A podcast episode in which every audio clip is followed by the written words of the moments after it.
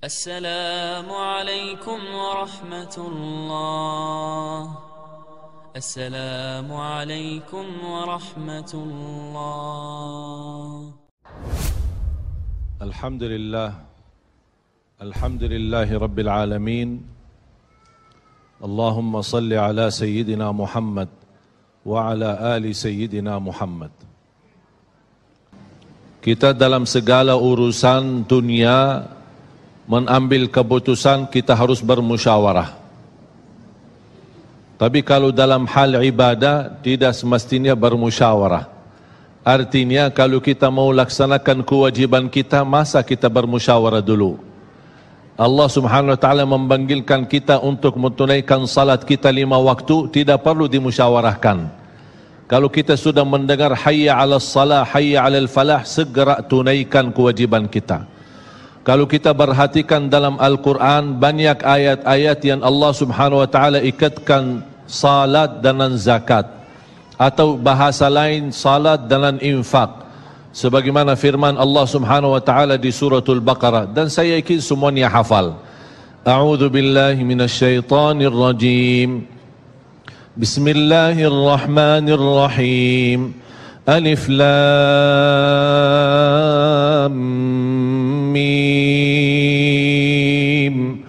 ذلك الكتاب لا ريب فيه هدى للمتقين Alkitab ini bertunjuk Bertunjuk bagi siapa? Bagi muttaqin Dan Allah menjelaskan sifat-sifat mereka Kalau kita ingin meniru mereka, ingin bergabung bersama mereka, ingin menjadi seperti mereka, ikutilah penjelasan Al-Quran. Siapa si Al-Muttaqin ini?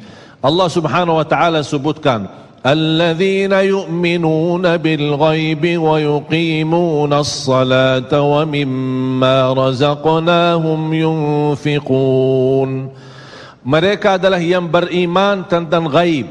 Apa yang gaib Allah, malaika, jannah, surga, neraka segala sesuatu yang gaib mereka percaya. Walaupun mereka tidak melihat dengan mata sendiri dan sifat mereka alladzina yuqimuna as-salah beda artinya yuqimuna as-salah sama yusallun. Ada orang hanya kerjakan salat tapi ada orang mendirikan salat.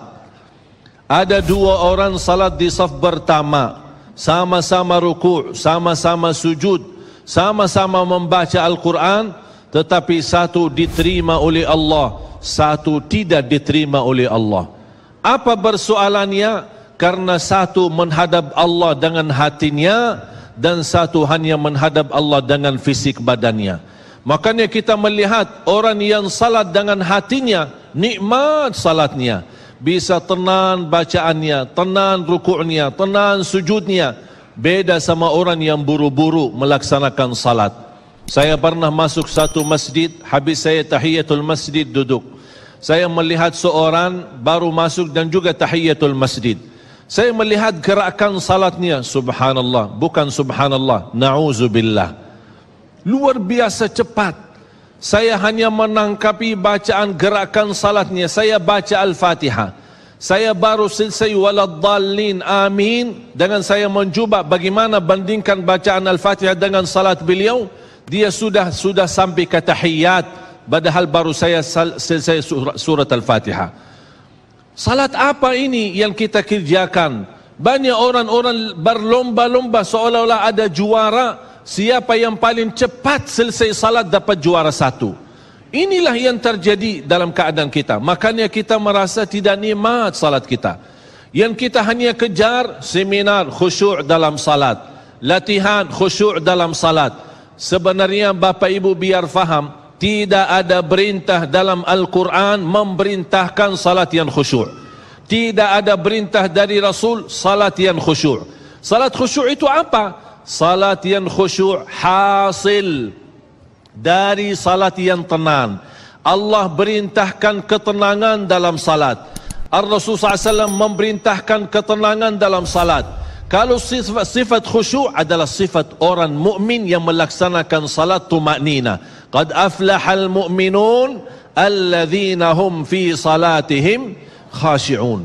Ketika ada seorang datang ke masjid di zaman Rasulullah sallallahu alaihi wasallam masuk masjid tahiyatul masjid selesai salat dia datang kepada Rasul mau salaman Rasul tidak menjawab bahkan Rasul berkata salli fa innaka lam tusalli. Salatlah karena kamu belum salat. Dia pergi ke depan salat lagi selesai balik lagi bertemu Rasul. Mau salaman? Rasulullah SAW tidak menjawab. Salli fa innaka lam tusalli. Salat dulu karena kamu belum salat.